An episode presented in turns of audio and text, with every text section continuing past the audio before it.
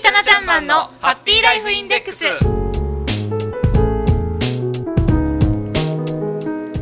FP タナちゃんマンのハッピーライフインデックス。この時間はあなたの夢と未来をトータルサポートするライフサポート有限会社の提供でお送りします。私たちと一緒に明るい未来幸せな生活になるためのいろいろな事柄考えてみませんか？さあこの番組ではあなたからの疑問や質問そしてご意見ご感想たなちゃんマンへの応援メッセージお待ちしています。宛先はイブニングウェーブのメールアドレスと同じです。Fm768 アットマーク p-wave.ne.jp fm768 アットマーク p-wave.ne.jp です。さあそれでは今日もここで一級ファイナンシャルプランニング技能士でありライフサポート有限会社代表そしてセラピストとしても活躍をされるタナちゃんマンを一緒に呼んでみましょう。あなたもご一緒にせーのタナちゃんマン。はい、こんにちは、棚橋です。今日もよろしくお願いいたします、はいこちらこそよろしくお願いいたします。今日はねあのーいつもの人数よりもさらにパワーアップしてタナちゃんマンのコールをさせていただきました、はい、ありがとうございます。いやいやいや、えー本当にあのー私が、はタナちゃんマンとこの番組でお話ができるのが、今日がそうですね。ラストになって、はい今タナちゃんマンコールもこれがラストなんだなと思ったら、いやあのラジオの前で呼べばいいか一緒にこれから。一緒に呼んでください。そうですよね。はい。はい、今日もよろしくお願いします。よろしくお願いいたします。さあ、はいえー、4週目のか、えー木曜日は、タナちゃんマンがセラピストとしてのはいろいろな心のお話をしてくださるんですが、はい今日はどんそうなですね。今日はね、原口さんが最後ということで、ですので、はいね、はい、一つ詩をね、あのご紹介したいと思います。詩ですか？ポエム、はい、これですね。ドキドキなんだろうゲシュトルトの祈りという詩です。ゲシュトルトの祈り、はい。ゲシュトルトの祈り。私は私のために生きる。あなたはあなたのために生きる。私は何もあなたの期待に応えるためにこの世に生きているわけじゃない。そしてあなたも私の期待に応えるためにこの世にいるわけじゃない。私は私、あなたはあなた。でも偶然私たちが出会えるならそれは素敵なことである。たとえ出会えなくてもそれはまた同じように素晴らしいことだ。ということですね。うわ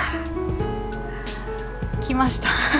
というかあのー昔はそういったことをあまり気づけないでいたんですよね、はい。私自身えも、誰かのために頑張ろうとか、はもちろんあのそれがすごく悪いことじゃないんですけど、で自分のこともなんかすごくあのーだからこそ見れなくなってしまったりとか、ね。はい。自分を大切にできなくなってしまったりとかあったんですよ。はい、ですからあのね、えー原口さんは原口さんね今日はあの今までね、えー私がこの番組を始めてから、えー、3年ぐらいになるんですか？なんかちょっと分かんなくなってきました。ね今計算できるのどのぐらいでしたっけ？2年あ2年花園三からですからね。そう2年半か。2年半ですね、うん途中ちょっとブレイクもありましたけど。あ秋スタートですからね、うん2年半でその間3か月ねちょっとお休みをいただきましたけれども。はい。ねえー、出会って、えー、3年えー、本当にこういうご縁をいただきましたけれどもね、はいえー今日ここで原口さんが卒業されていきますけれどもこれもまた素晴らしいことの一つであるということでね。原口さんは原口さんの自分自身の人生を信じてね生きていっていただければ。はいそれでまた充実してそれも素晴らしいことなのかなで今原口さんが言ったようにねあの当然私もこれで原口さんとお別れするのはすごく寂しいですけれども、えー私も寂しいっていうことにね、えー原口さんが答えようとするとやはり原口さんも辛くなってしまいます。苦しくなってしまいますので、えーご自身がご自身である、ね、ご自身の人生を歩んでいただければそれはそれでまた素晴らしいことであると思いますので、えー原口さんは原口さんの、えーご自身を信じてご自身の期待のためにこれからね、えー卒業されて、えー活躍していただければいいのかなとそんなふうに思ってます。はい、これもねあのげ実はゲシュタルトっていうのはね心理学の一つの、えー心理療法の一つなんですけれどもね、はい。えーあのやはり、えーどうしても、えー友達関係だとか家族関係、えーね、親子関係だとか、えー上司と部下あるいは友達同士でもね、えー自分の以外の人っていうのは友達であっても自分とやっぱり考え方は違いますし、えー自分と自分がこう思ってるのにあの人はどうしてこう思うんだろう、えねえ相手に期待をしてしまうとやはりこう悔しい思いをしたりとか残念な思いをしたりすることがありますけれどもね、えー、人はそれぞれやはり、え考え方が違うわけで、えー、人それぞれでね歩む道があるわけですから、ねあのー、口さんは原口さんの、え自分自身の期待に応えていっていただければなということで、はい、今日この詩を原口さんにプレゼントしたいなと思って用意をしてきました。はい、ありがとうございます。あのはい。なんか最近、はい、その詩は私初めて聞いたんですけど、ええ、同じようなことをいろんなところから来たりしてたんですね。そういった言葉が。えはい、で昔はそれがなんかそんなことはありえないでしょうとか、否定するような気持ちがあったんですけど、はい、なんかその自分自身を見つめることによって、はい、それがなんか誰かのためにっていう風で動いてなかったとしても、うん、自分自身をしっかり見つめて、あのー、歩んでいくことが、はい、なんかそっちにつながっていくこともあったりするんだなとか、ね、あのー、あとその他を否定しない、うんそうですね、受け入れるっていうことが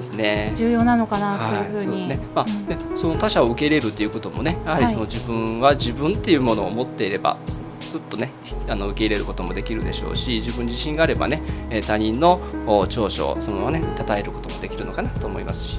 はい、うん自分を見つめて自分のことをやるっていうことがわがままとは決して違うっていうことが昔は分からなかったんですよ。それのバランスって違うんですもんね。違いますね。うん、はい。それと自分自身があ自分自身をね、えー、受け入れて自分自身が輝光り輝けば周りにもねその光を与え分け与えていくことができますから。うん、そういう自分自身を見つめて自分自身が光り輝いていくっていうことはすごく大事かな自分自身が楽しくあれば、はい、うん、そうですね。あの例えば、えー、鏡を見てですね、はい、怒った顔をして鏡を見るとどんな気分になりますでしょうか？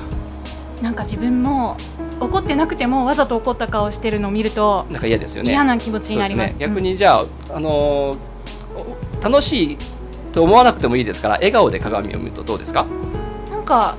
あいいかなって、ね、ちょっと明るい気持ちになりますね、ね、あの全然全く知らない人が隣に例えばね、えー、電車に乗った時に座っていて、はい、こう嬉しそうにニコニコしている顔を見られると自分もこう楽しくなってきますよね。はい、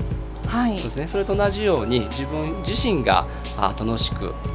充実していれば周りの人にもそれがあの伝わっていくと思いますのでね。原口さんもこれから音楽活動をやられていくということですので、はい、はい、それをねあのしっかりと自分自身を充実させて、えー、やっていっていただければなとなふうに思ってます。はい、はい、しっかりと胸に掴んで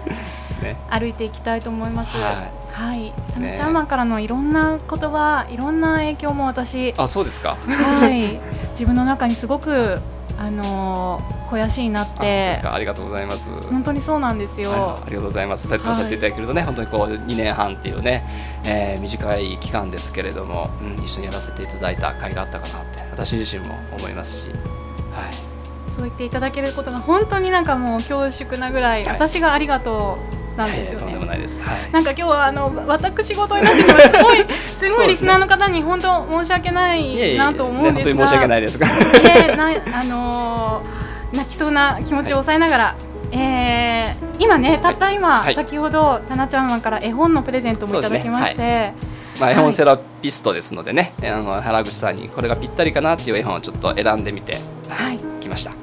はいまだ中にあの目を通せてないんで番組終わったら、そうですね。じっくりと読んでみてください。読ませていただきます、はい、グルンパの幼稚園というタイトルです、ねはい、グルンパというゾウさんのお話なんですけれどもね、ゾウさんがあの苦労をしていくんですけども最後はハッピーなね、えー、自分を見つけることができるというお話です。はい。なんかあのしっくりきそうです私の中で。すごく、はい、はい、後でゆっくり読みます、そうですね。もうあ CM 中読み聞かせしましょうかいやもうそんななんかあの 別料金じゃないんですか。大丈夫ですよ。いやいや本当にあのありがたありがたすぎるぐらいですね、はい、そんなあの、ことしていただくね曲の間か CM 中にじゃあ、はい、読み聞かせをしましょう。まあ著作権がありますのでリスナーの方にはちょっと申し訳ないんですけれども。はい。ありがとうございます、はい、あエッピータナちゃんマンのハッピーライフインデックス